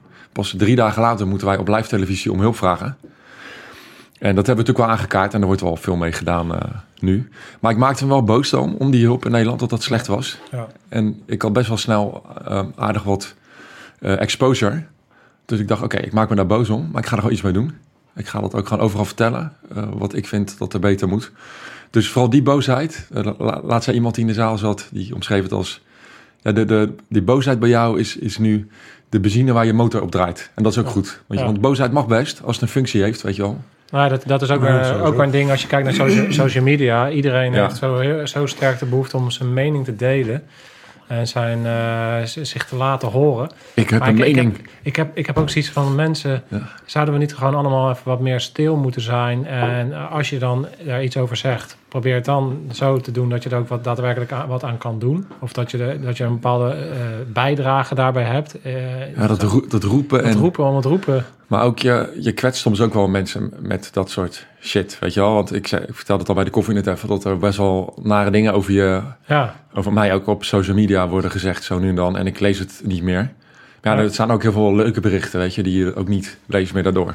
want we- kan je eens iets eh, een voorbeeld noemen van wat, wat, wat, wat voor een shit je over je heen krijgt als je in zo'n situatie komt dan? Nou ja, de, eh, ik heb, ehm, het is soms net hoe sommige trailers van programma's geëdit worden. Ik, ik heb een jaar geleden, zat ik in Dream School, ik weet niet of je dat programma kent. Ja, Daar heb ik eh, één les gegeven. En die hadden, en die hadden mij zo geknipt dat ik in de aankondiging eh, hoor je mij zeggen. ehm, ik, ik zie drie mannen staan. Eentje roept er Allah Akbar. En toen wist ik, dit is foute boem. Dat hadden ze zo ge- gemonteerd. En eh, dat, ik snapte dat was ook best wel om de interesse van de kijker te wekken. En ik dacht er zelf niet echt over na over hoe dat over kon komen. Maar toen werd ik echt op eh, Instagram, toen heb ik echt fucking heftige berichten gekregen. Ook echt doodsbedreigingen met, jij kankermogel en eh, wat zeg je over Allah. Terwijl het hele, hele dialoog, dialoogje van mij was van, daar wordt geschoten, ik lig plots op mijn rug. Ik zie daar drie mannen staan met kalasjnikovs. Eentje roept Allah Akbar en dan weet ik, het is foute boem. Ja. Toen dacht ik, die gasten, ga gewoon even dat hele filmpje kijken. Duurde drie minuten. Ja. Nee, je hoort iets en je bent gelijk boos. Nou, dat, ik weet niet, dat, dat, dat, dat raad je wel. Ja. Dat, soort, dat soort shit. En toen wij... eh, ik zit hier een beetje door eh, Jessica Valeris, die jullie een keer geïnterviewd hebben. Die, mij, ehm, Ja. die een documentaire met mij heeft gemaakt. Waar ik de vader van een van de terroristen ontmoet. Ja, toen, wat ik toen op social media over mij heen kreeg, dat was ook echt, echt ziek. Een paar doodsbedreigingen zelfs met mijn eh, adres daarbij via Twitter. Linkse kankerrat, eh, noemde iemand me. Ik dacht, holy shit, wat, dit is echt heftig. Je, Jessica had al een beetje me voorbereid. Ze zegt, eh, verwacht niet dat heel Nederland dezelfde mening heeft als wij. Want we gaan best wel iets vragen van mensen. Weet je wel, de, eh, ja, een open mind is misschien iets anders dan gelijk bij de familie op bezoek van een terrorist. ja. Ondanks dat ik het heel normaal vond.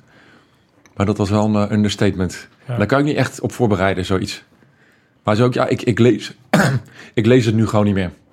Nee. Maar, wat, wat, heb jij daar met, met betrekking tot de rol van de media en de dingen die jij hebt meegemaakt? Wat zou jij, ja, als je een, eh, wat zijn jouw lessons learned als het ware op, op dat gebied qua media en eh, hoe kijk je daarnaar? Nou, ik probeer ze altijd ja, mee te geven dat je... eh, bedoel, besef je dat je met mensen te maken hebt die op hun kwetsbaar zijn. En het feit dat ze met jou bereid zijn met jou te willen praten... dan moet je echt, nou ja, bijna op je knieën moet je... Dan moet je daar dankbaar voor zijn en dan moet je echt super integer mee omgaan. Want je neemt een, een camera mee naar een crematie.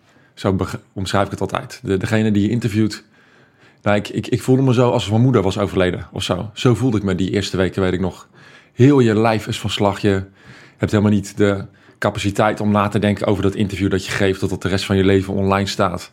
En of het wel handig is om bepaalde vragen te beantwoorden. Ik werd al heel snel geïnterviewd door Geert Gordijn in Parijs, een eh, journalist van eh, RTL. En die liet dus gelijk integriteit zien. Ik had dat niet door, maar hij had mijn bebloede kleding had hij niet in beeld gebracht. Hij dacht, ja, journalistiek gezien is het misschien wel interessant. Maar ik had mijn familie nog niet eens gezien. Hij zegt, ja, als ik dan die bloedspetters op je broek ga filmen... en, je, en je, dat is het eerste dat je familie ziet van jou... Ja. Dat, dat, dat, dat leek me geen goed idee. Dat had hij me later pas verteld. Toen dacht ik, wel, ik, ik heb geluk dat ik een integere journalist heb gesproken. Maar ik vind dat je altijd integer moet zijn. En ik heb zo vaak meegemaakt dat je als een soort nummertje behandeld wordt. Ja. Dat ook echt, echt wel eens letterlijk gezegd wordt van... Nou, als je nou even zo zo... Kan, kan je dit even zo of zo zeggen? Die, eh, dat wat je net zei? Dacht, ja, maar dat zei ik niet. Ja, maar dat is voor de kijkers is dat... Maar ik vind het heel jammer hè, wat je nu zegt. En ik, ik, ik vind dat ook een gemiste kans eh, eh, binnen de, eh, Mag je het dan journalistiek noemen of binnen de media? Ik vind namelijk, hè, de, jullie is iets verschrikkelijks overkomen. Hè? Punt. Daar zal iedereen het over eens zijn. En het is, en dat zeg je al heel terecht in je eigen ontwikkeling, het is aan jou wat je ermee doet. En ehm, ik vind het heel knap dat je van zo'n verhaal eh, eh, iets gemaakt hebt waarin je in feite eh, andere mensen een, een, iets, iets mee wil geven waar ze iets van kunnen leren. Dat vind ik echt super knap. Het is toch een gemiste kans van, van, van, van interviewers om jou daar niet, eh, of degene die het daarover gaat, niet toe in de gelegenheid te stellen. Ja, ik, ik, ik weet ook wel precies waar het probleem zit. Want, want vandaag de dag gaat het niet meer om... ehm, breng ik een feit of iets integers, maar ben ik de eerste? Ja, en dan krijg je de meeste kliks. Ja, we, ja, we hadden net over hoe Jessica Valerius werkt. Ja. Dat is kostbaar en tijdrovend. En dat is nou hetgene wat de Nederland niet op nummer 1 staat bij, als prioriteit bij journalisten. Het moet gewoon snel verhalen, het moet snel online. En die om integriteit te tonen, dat, ja, dat, dat kost tijd. Dan moet je goed eh, voorbereiden, goed inleven. En dan kan je het niet gelijk eh, binnen een kwartier online gooien. Dat is ook waarom Jessica bij al- alle mensen langs gaat waar Ja. zij, die zij filmt. Ja, en- Wat en- vind je van? Heb je iets aan te merken? Zo ja, dan gaat het uit.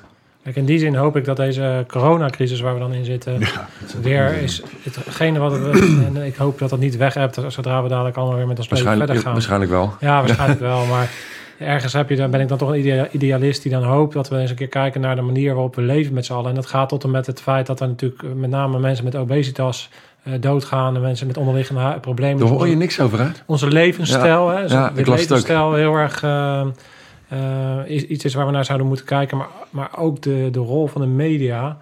Eh, die, die ontwikkelingen die gaan sneller dan waar, waarop we voorbereid zijn. Dus zou, ik hoop dat we dit soort crisis ook een keer aan, aanpakken om te kijken van hoe moeten we, hoe moeten we dat nou daadwerkelijk inrichten? Dat, dat, het, dat het ons helpt. En dat het. Kijk, uiteindelijk heeft, heeft, is- journalistiek heeft ooit, ooit een rol gehad om een bepaalde controle te hebben op organen. Eh, bijvoorbeeld in, de- in de democratie. Dat er iets gecontroleerd, eh, gecheckt kan worden. Maar die rol lijkt volledig uit, uit de compleet- bocht gevlogen. compleet anders zeg maar. Het is alleen ja. maar van, het is het eh, zelfbehoud. En het is een soort commercieel model geworden. Wat totaal de plank mislaat. Verschrikkelijk. Het, gaat om Ja, het gaat om kwantiteit. ja. en snelheid. En niet meer om kwaliteit. En ik hoop dat we daar weer een beetje naar terug gaan. Dat, Ja. sorry, dat, dat, Ja, dat- gaat- dat- dat hoop gaat ik ook echt. De kwaliteit. ja. En het onthaasten. Want wat voor zin heeft het om tien keer per dag hetzelfde verhaal overal te horen? Ik bedoel, ik keek altijd naar Jinek vroeger, maar die skip ik ook s'avonds. gaat ook fucking alleen maar over corona. Terwijl ik juist altijd, ik vond haar altijd zo sterk in de onderwerpen die ze uitkoos. Ja, Het is ook wel de dagelijkse actualiteit, maar iedereen is hetzelfde aan het doen nu. ja. Wat, daar worden we toch niet beter van? Nee, dat zou je eh, denken van niet. eh, dat, eh, Nee. dat, het, dat het iets Nou, is. ja, misschien dat er bij deze crisis ook weer iemand opstaat die, die, die hier straks iets over te zeggen heeft. Nee, hoor, nee. Ja. Nou, ik zei net al, je moet terug kunnen kijken hè, om er eh, echt iets zinnigs over te zeggen vaak. En we zitten er nu nog eh Nou ja, middenin natuurlijk. Ja, en, en, en daarin ook weer ehm, om dan bijvoorbeeld... Kijk, de mensen die de, die de strijd leveren... Daar hebben we hebben ook een podcast opgenomen over de medische mensen die, daar, die daarin zitten. En je ziet ook dat eh, de mensen die dus integer zijn... En je noemde, noemde dan Jessica bijvoorbeeld... Die gaat gewoon gratis... Met eigen risico, voor de eigen ploeg, staat ze weer op alle IC's en de dingen vanuit haar vak. Staat Ja. zij, eh, zet zichzelf weer apart eh, om gewoon daar de strijd te leveren die er geleverd moet Ja, worden. die vrouw zou echt ooit een lintje moeten krijgen. maar ook, ook echt journalisten zouden echt wel een training van haar kunnen gebruiken. Ja, ze, ze heeft er geen tijd voor, maar Nee. Ja, maar, dat, maar dat- het gaat, wat vooral belangrijk is, is dat de, de positieve rolmodellen. En dat zit hem op dat vlak, maar het zit hem ook in het feit dat, dat, dat jij daarin natuurlijk een, een, een bepaalde positieve ehm, rol hebt. Omdat je dus vanuit iets. En het is ook nog eens een keer interessant, omdat jij dus van- vanuit de natuur iemand was die slachtofferschap ja, eh, omarmde. ja heel erg. Volgens ja. gebeurt jou het meest heftige wat je je maar kan bedenken, anders dan doodgaan. En eh, ben je in staat om eh, slachtofferschap om te zetten naar eigenaarschap. Ehm, en positiviteit te omarmen en hetgene mee te nemen. Om daar iets positiefs van te maken en iets bij te dragen en waarde te leveren voor de, voor de omgeving. Ja, jij kan ook goed samenvatten. Nee, jij, maar- maar wat ik Echt, wow. Maar wat ik dan ook wat ik dan, eh, eh, helemaal bijzonder vind in dit verhaal is dat eh, je hebt het er heel slecht mee gehad na, na die aanslag. Ja. Dus je bent door een aardig diep dal gegaan. ja, dat heeft wel lang geduurd ook. En, en, en, en eh, eh, dan ben je slachtoffer. Dus kun je je ook zo gedragen. En iedereen begrijpt dat. Maar hoe kun je ons een klein beetje meenemen in dat verhaal? Hoe dat voelt, wat dat met je doet? En, en, en, en waar je de kracht gevonden hebt, of de klik gevonden, om er uiteindelijk iets anders van te maken. Ja, het zijn allemaal ja, van die fases waar je doorheen loopt. Dat, ehm dat eerste jaar na Bataclan. Eh, veel therapie gehad al, met een psycholoog gesproken, EMDR-therapie gehad. Maar de, ik, ik, ik, vinkte, ik kon niet, nog niet alle, alle hokjes aanvinken, weet je wel, qua klachten die ik had. Ik had niet echt herbelevingen of eh, nachtmerries. Dus ik, ik voelde me wel slecht dat eerste jaar. Ik, ik, ik voelde me vooral heel erg opgejaagd en onrustig. Ik had heel veel moeite met slapen. Maar dat waren eigenlijk mijn klachten. Niet meer dan dat. Dus ik voelde me wel slecht, maar het viel me ook weer mee. Na wat ik had meegemaakt. Ik dacht, nou ja, als dit is wat ik mee moet dealen, dat, dat, dat gaat ook wel be- best wel snel weer gaan werken na eh, minder dan een maand. Dat was wel een slechte keuze achteraf. Dus nou, daar heb je acht maanden therapie gehad en dan sluit je dat af. En de psycholoog ook zoiets van, nou, we hebben nu het behandeltraject eh, eh, beëindigd. En toen een maand of vier, vijf later, dus het is dan eh 2017 zitten we dan al. Dit was eind 2015. 2017, april, mei. Toen gebeurde er iets in mijn lijf. En ik, kan ik heb er heel lang over nagedacht. Er is geen aanleiding toe geweest. Ehm, ik werd van de een op de andere dag wakker met... Nou, uit de meest heftige nachtmerrie die ik ooit van mijn leven had gehad. Echt een bizarre ja, aanslaggerelateerde droom. Het was geen herbeleving, maar ik, droomde dat allemaal mensen om me stonden te schieten in een maisveld. Heel specifiek. En dat ik in mijn buik werd geraakt. Echt badend in het zweet wakker. Toen dacht ik, oh, holy shit, eh, dit was echt een heftige droom. Echt wel, ik was de hele dag ook van slag van. En dat, eh, dat had, had ik ook nog nooit gehad. En dat is bijna acht maanden niet weggegaan, die dromen. Die had ik iedere nacht ineens.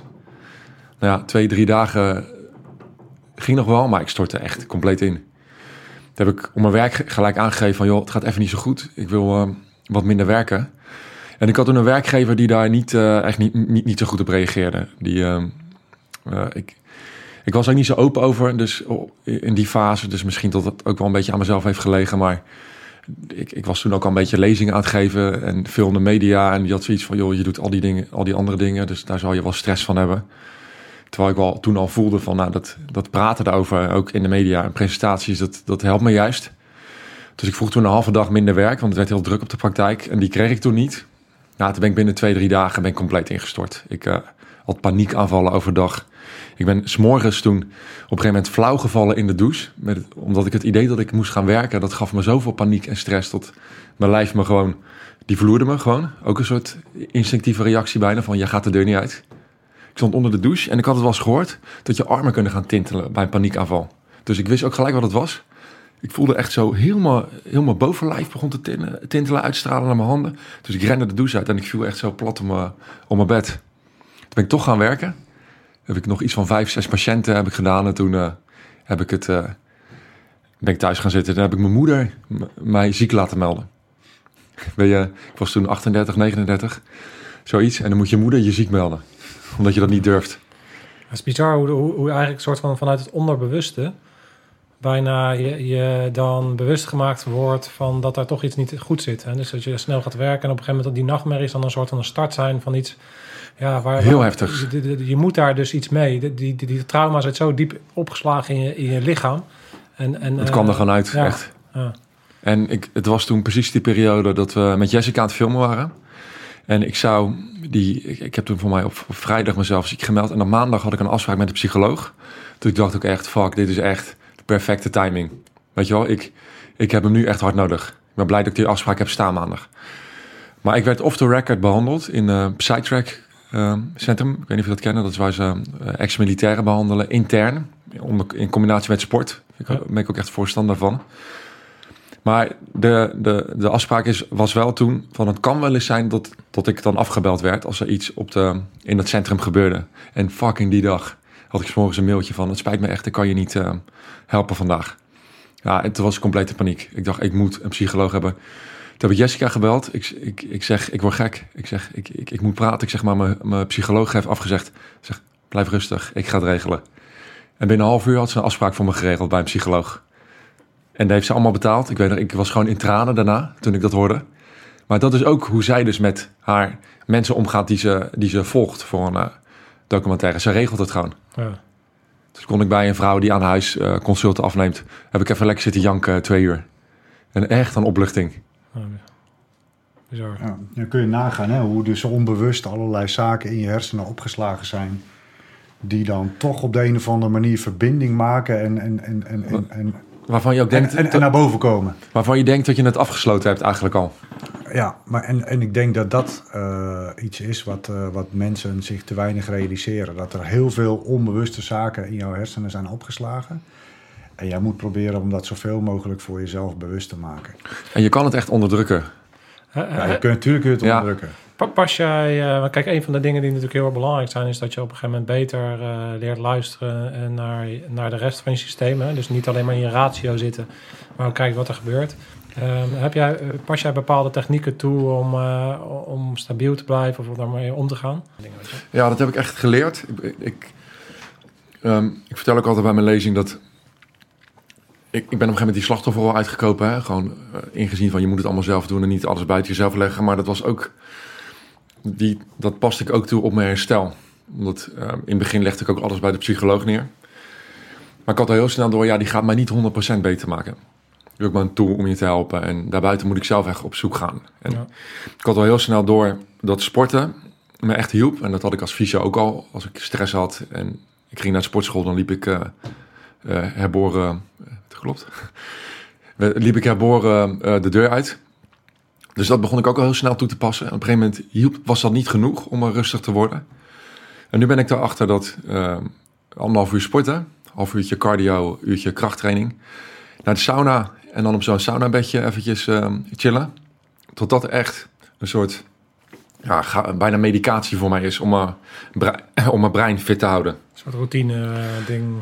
Ja, maar vooral dat eh, naar die sauna en op zo'n bedje liggen, dan, dan, dan, dan kom ik ook in een soort, ja, ik denk dat het bijna een soort meditatietoestand is. Ik ben niet aan het slapen, maar ik ben ook niet wakker, maar ik word echt fucking energiek wakker daaruit. Ja. Dus meestal een kwartiertje, twintig minuten. Ik probeer het ook altijd even te doen voordat ik eh, eh, een presentatie of een tv-dingetje heb of zo. Dan, als ik even extra fris moet zijn, Ja. ga ik even sporten, sauna en kwijlen op zo'n bedje, zeg ik altijd. dus dat is ook wat ik aan mijn publiek wel vaak mee probeer te geven. Van ga ook op zoek naar wat voor jou werkt. Ja. En dat vinden sommige mensen ook nog moeilijk. Sport is voor iedereen goed, denk ik. Maar ik denk dat je ook dat het voor andere dingen, eh, voor heel veel mensen ook heel veel andere specifieke dingen zijn. Ja, want het is dit is precies wat jij zegt. Het, wat voor de een werkt, werkt voor de ander natuurlijk niet. Weet je, wel. De, je, moet, je moet bepaalde routines, bepaalde dingen vinden wat, wat, wat voor de ene sport is. Eh, dat het een gezond iets is, wordt voor de ander weer obsessief en, heel- en slecht. En Ja, de dat, ene ik ook wel een beetje aan het begin. De, Ja. ene, de ene moet gewoon eh, wandelen. En eh, de andere die moet eh, twee uur per dag. eh, eh, Heel veel porno kijken. dat kan ook. Hebben jullie, hebben jullie die premium account al voor een Pornhub of niet?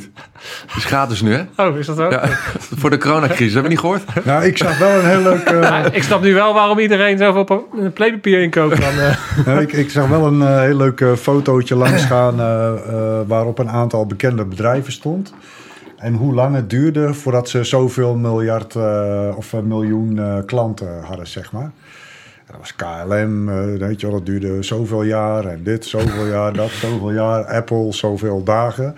Pornhub, negen uur. Hoppa. nou, deze Nee, maar die hebben we hoor. Ja, Ja. ja. Ja, iemand zei tegen me, jij moet zeker je contributie gaan stopzetten nu. Nou ja, Pornhub. ja, deze dood is anders brood. Eh, sommige businesses die vliegen door het dak natuurlijk. eh. Maar het is ja, wat, wat jij zegt, wat voor de een heel Ja. erg eh, ontspannend werkt. Eh, je moet, het is vooral denk ik de, de truc dat je, je je brein gewoon reset even. Maar ja, en, En die opmerking die je maakt, vind ik heel belangrijk. Want de hulpverlening is niet het antwoord op alles. Eh, Zeker Dat kan helemaal niet. Het enige antwoord wat je hebt, is- dat ben je zelf. En eh, de manier waarop je daarmee omgaat. En, Ja. eh, en hoe, hoe je dan die tools inderdaad gaat inzetten. Maar je zult altijd zelf een bepaalde mate van op zoek moeten gaan. Ja. En het is natuurlijk heel makkelijk om inderdaad... het is, het is belangrijk om te observeren. Dus jij hebt geobserveerd van, nou, ik zie dat er dingen niet goed geregeld zijn. En vervolgens ga je, heb je nu heb je juist iets van, hé, hey, ik heb die ervaring. Ik kan daar iets nuttigs mee doen. Nu kan ik een probleem dat ik geconstateerd heb, kan ik oplossen voor anderen. En dan maak je daar alweer wat positiefs van. Ja, dat helpt jezelf natuurlijk ook. Ja, Als je ziet wat andere mensen eruit halen. ja, Maar je ziet dat heel veel mensen wel blijven hangen in dat, in dat kringetje van eh, hulpverleners. En ik, ik, ik ontmoet ze veel ook, want je trekt ze natuurlijk vaak ook wel aan. Als, je, als ik een presentatie geef, ja. dan komen ze zich even melden bij je. Ja, je hebt echt van die mensen waar de PTSS afstuit dat nog, weet je wel, vijf jaar later. ja, Ik denk van, ah jongen toch, eh, je gaat er iets mee doen. ja. Ja, als je het dat alleen maar ook buiten jezelf blijft plaatsen. En je en omgeving durft er natuurlijk ook vaak niks van te zeggen. Het wordt vaak ook nog wel onderhouden thuis. ja. Dat is ook wel moeilijk. Ik vind dat je soms wel iemand even een schop onder zijn hol mag geven. Van, eh, kom op gast, even naar de psycholoog nu. Of eh, ga iets anders doen dan dat je doet in ieder geval. Ja, want, want, want, want, want dat, eh, door de omgeving kan je natuurlijk ook in die, in die rol gehouden worden. Omdat mensen natuurlijk naar je, ineens naar jou gaan doen alsof je zielig bent. Ja, ja ik, ik, ik, ik, En dan word je ik, het vanzelf. ik moet gelijk aan een man uit eh, Du- Duitsland denken. Die, eh, die vertelde me dat als hij uit eten gaat, zit hij altijd op hetzelfde tafeltje. Dat hebben ze echt voor hem gereserveerd. In een hoekje dat hij niks ziet. Terwijl ik denk, ja, dat, dat zijn al van die kleine stapjes die je op een gegeven moment... Die ook aanslag heeft hij overleefd. Dat, dat zijn dingen die kan je al niet gaan doen gewoon. Probeer dat gewoon eens, weet je wel.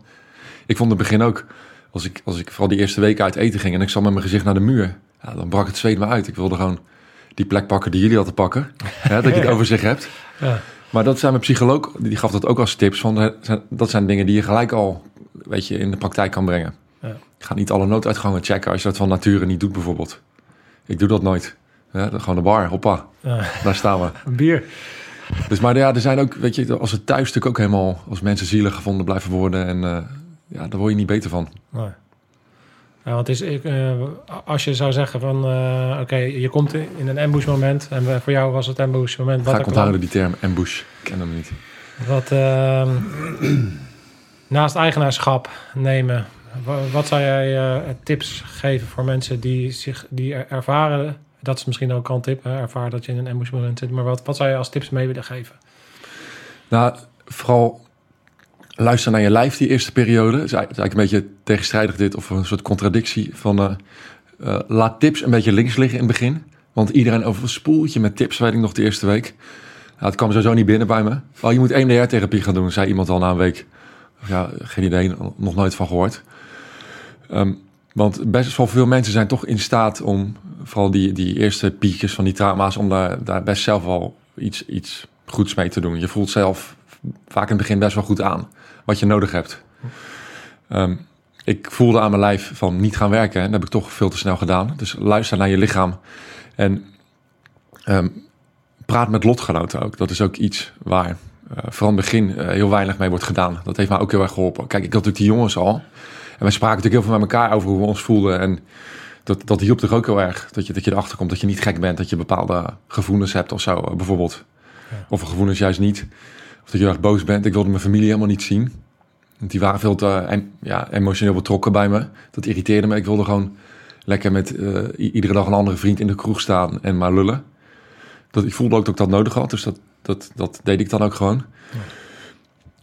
Maar ga, op, ga wel op zoek naar goede hulp. En ehm, leg die vraag ehm, bij je huisarts neer. En ga niet gelijk naar slachtofferhulp toe, ondanks dat daar ook echt goede mensen zitten. Maar huisartsen hebben vaak betere connecties, ben ik achter. En als dat niet jouw huisarts is, eh, ga dan even op zoek naar mij. Ik heb ook nog een eh, platform waar ik, waarin ik heel veel adressen heb staan van mensen die heftige dingen hebben meegemaakt. En goede psychologen waar je vaak wel snel terecht kan. Hoe heet het platform? Ehm, nou, ik, je, je moet je bij mij melden en dan laat ik je toe, want het is afgeschermd. Oké. Omdat het, ehm, ja, je wilt ook geen journalisten daar. Via, eh, via jouw website. Ja, ja, via mijn website. Ja. Oké. Heel makkelijk. Ja, er, er is geen gouden, gouden tip in dit verhaal, omdat iedereen wat anders nodig heb, heeft. Ehm, en dat is ook het probleem in de hulp een beetje, dat er geen maat of weinig maatwerk wordt geleverd, vind ik. ik vind dat je er meer moet zoeken. Ehm, er zijn best wel veel organisaties in Nederland die het op, op zich nemen, traumaverwerking, maar het wordt vaak niet vergoed door de zorgverzekeraar. Dus heb jij een beurs die dat toelaat, dan zou ik zeggen, ga daarna op zoek. Mensen die echt één op één begeleiding bieden, die vaak zelf ervaringsdeskundigen zijn, eh, PTSS hebben eh, opgelopen. Ik kan misschien, ehm, ik weet even die namen niet aan mijn hoofd, eh, via jullie die, die, die, na- die namen van die organisaties nog wel doorgeven later. Ja, dan ik je onder, de film zetten we er gewoon bij. want, want ik, ik heb een heel goed bedrijf waar ik zelf ook een keertje ben geweest, die ehm, dus buiten alle zorgverzekeraars hulp zijn gaan bieden. Ja. Want daar is ook vaak het probleem, zorgverzekeraar. Mijn huidige psycholoog, eh, daar moest ik op een gegeven moment mee kappen, omdat het bleek dat hij niet vergoed werd. Ja, ja, ja. En in de late stadium eh, is hij verhuisd naar een ander bedrijf. Toen mailde hij me weer. Hij zegt, ik kan je nu wel helpen. Dus eh, dan kan je weer terecht bij me. Ja, dat het, is leuk. het is natuurlijk een gigantische weerwar wereld waar je in terecht komt. Wat je, je, je snapt niet waar je het moet zoeken, echt. Nee. Moet ik naar slachtoffer, moet ik naar de gemeente, moet ik naar mijn huisarts? Je, je begrijpt dat niet. Dat het, het, ik, ik denk ook dat ehm, het handig is als iemand anders dat voor je oppikt. En dat is ook precies wat ik achter de schermen aan het regelen ben met die crisiscentrale waar ik het net over had. In ehm, Duitsland bijvoorbeeld hebben ze trauma-experts. Dat zijn mensen die, dat zijn afgestudeerde psychologen en die hebben een eh, trauma-specialisatie gedaan. Want het is dus zo moeilijk om iemand te helpen met een eh, vers trauma. En hier in Nederland krijg je slachtofferhulp. Daar zitten soms ook hele goede mensen hoor. Vooral de vrijwilligers. Dat zijn juist nog, dat zijn vaak de betere, omdat die wel vanuit hun hart echt dat eh, werk doen. Maar nu is er nog ja, geluk dat je iemand krijgt die precies snapt hoe dat is om eh, een aanslag te overleven. Dus ik ben achter de schermen actief betrokken bij ook het opzetten van zo'n soort. Ja, er zit natuurlijk een valkuil eh, in. eh, ik zie het ook heel erg bij de burn-outs en dan eh, eh, bijvoorbeeld eh, een probleem. Je ziet dat er heel veel ervaringsdeskundigen eh, die kant uit gaan, maar ervaringsdeskundigen alleen is niet genoeg. Nee, Uiteindelijk heb je natuurlijk ook uiteindelijk, zeker in, in zo specifiek als trauma, gaat het natuurlijk toch ook uiteindelijk om of iemand eh, jarenlang gestudeerd heeft uiteindelijk en Ja. die kennis combineert met, met ervaringen. Eh, Ja, dat vond ik vooral fijn. Dat je met iemand om tafel zit. Want die psycholoog van mij ook, chef Berendsen, misschien ken je wel, die heeft zelfs voor, in, in Afghanistan ter plekke heeft die mensen behandeld. Die heeft ook bommen horen vallen om het kamp waar hij zat. Ja. Daar voelde ik wel gelijk aan van, nou, de- deze man die, die snapt waar ik het over heb. En dat Ja. is toch echt wel belangrijk. Je moet die klik hebben. ja, ja. je moet een klik. En, en tegenwoordig in Nederland met het zwaar tekort aan psychologen, je kan je helemaal niet permitteren om geen klik te hebben. Nee, en, en de psycholoog, want dan zit je weer drie maanden te wachten. zes maanden in de wachtrij, ja. Is een hele probleem aan die hele zorgwereld in Nederland nu. ja. Dus als je kan permitteren, ga op zoek naar specialisten die ehm, alles buiten de zorgverzekeraars doen. En het kost je soms dan wel wat, maar dan ben je sneller van je klachten af. Ja, ik zou zeggen dat is het geld echt ehm, meer dan waard. Ja, eh, trouwens, zijn naam is Koos Swinkels, denk ik me ineens. Hij, heeft, hij zat in die vliegcrash van ehm, Turkish Airlines. Oh, ja. Hij liep tegen hetzelfde aan als ik. Die moet je echt een keer interviewen trouwens, bedenk me nu. Oh, kijk hoe. En, en die is een soort ja, stichting gestart, of nee, een, um, soort instantie gestart waar je nou, waar alles onder één dak zit wat hij heeft gemist toen de tijd in de hulpverlening. Een beetje dezelfde dingen waar ik tegenaan liep. Ja. Ja, gewoon een soort crashplek. Ja, goede woordkeuze ook, wat hij heeft meegemaakt. Ja. een crashplek, ja. Ja, bijzonder, eh Ferry. Ja, Hey, eh, om het een klein beetje af te sluiten, eh, waar, eh, waar gaat jouw toekomst naartoe? Wat is jouw puntje aan, aan- je volgende horizon? Nou, die ben ik nog een beetje aan het bijstellen, want ik zit natuurlijk ook even in de coronacrisis. Ik heb geen eh, boekingen meer staan eh, tot na september. En ik verwacht ook niet dat ik die ga krijgen, want de zomer is sowieso in mijn eh, branche gebeurt er niks. En dat is, eh, ja, practice what you preach. Hè? Ik dacht, oké, een tegenslag nu. Maar ik, heb gewoon nog te eten en te drinken. Hier kan ik wel iets moois uithalen, denk ik. Ik ben mijn boek aan het schrijven en ik ben nu een versie aan het schrijven die ik volgens mij niet zou kunnen schrijven als ik niet al die tijd had nu. En eh er komen wel meer die nieuwe ideeën aan. Maar ik kruip niet, niet in een slachtofferrol nu, in ieder geval. Maar goed, we, we zitten er nog middenin, hè, die coronacrisis. Ik, ik hoop gewoon dat het na september allemaal weer een beetje... Ook, ook, ook ja, de, de wereld gewoon weer een beetje op gang komt. Dat hoop ik ook voor jullie. Ja, Hè, dat, kijk- dat evenement, daar kijk ik ook, ook nog wel naar uit. Ja, Helaas. Ja, dat wordt, eh, ja da- daarin, kijk, ik herken eh, heel erg. ehm, wij hebben ook een. Eerst had ik zoiets, shit, het bedrijf valt om en eh, eh, dit en je dingen overeind houden. Maar vervolgens is het in zo'n crisistijd gewoon zaken. Maar hey jongens, we zitten in crisis. Zet je schouders eronder. Eh, eh, maak ervan eh, wat je kan en, en voeg de waarde toe waar je kan. En kijk wie je kan helpen. Kijk naar de mensen naast je. En, ehm, en al die dingen, zolang je tevreden hebt en je, en je kan voorwaarts, dan... dan, dan Toiletpapier, Ja, je hebt, je hebt genoeg toiletpapier. Pornhub. Dan, dan moet je gewoon naar voren. Daar heb je natuurlijk gewoon toiletpapier voor nodig. Dan, dan, dat was mijn grapje ook. Ja. Ja. Nee, maar ik Ja, zit valt ineens nu te denken... ja. Hey, eh, Stip en Horizon is eh, na, even, even afgezien van corona. Eh, mijn- mijn boek, dat, dat ga ik 13 november uitbrengen. Dat is dan precies vijf jaar later. En dan ga ik ook een paar dingen in theater doen. Oké. Daar ben ik voor gevraagd. Dus dat zijn wel echt dingen die ik ook nog nooit heb gedaan. En eh volop de tijd heb om eh, voor te bereiden. Dus daar kijk ik wel nog e- echt heel erg naar uit. Het gaat echt... eh, ik ga gewoon knallen na september. Ja. Goede woordkeuze ook in mijn eh, verhaal. Maar op een andere manier nu. Dus eh ja, tof. Gaaf. Nee, bedankt eh, voor je mooie verhaal. En, eh, Jullie ook bedankt. Mooi gesprek. En, Vond het eh, leuk. ga vooral iedereen, iedereen eh, ga deze event vooral volgen. En eh, wat ik, wat ik er vooral uithaal is eh, dat het niet gaat om eh Bataclan. Eh, maar dat het, dat het erom gaat dat er dingen in je leven gebeuren. En dat je, dat je er zelf voor kiest eh, hoe je daarmee omgaat. En absoluut. dat je daar een eh, enorm mooi inspirerend voorbeeld voor bent. Dus bedankt. Thanks. Alles gezegd? Ja, voor mij wel. Valt hier nog wat? Die vraag krijgen we meestal niet. Nee, nog weer een vraag. Ah, ik, ik heb nog meer dan genoeg, maar voor, voor nu eh, sluiten we hem af. En, eh, ja, bedankt. Alles Thanks. gezegd. Scherpschutters. Uit. Uit.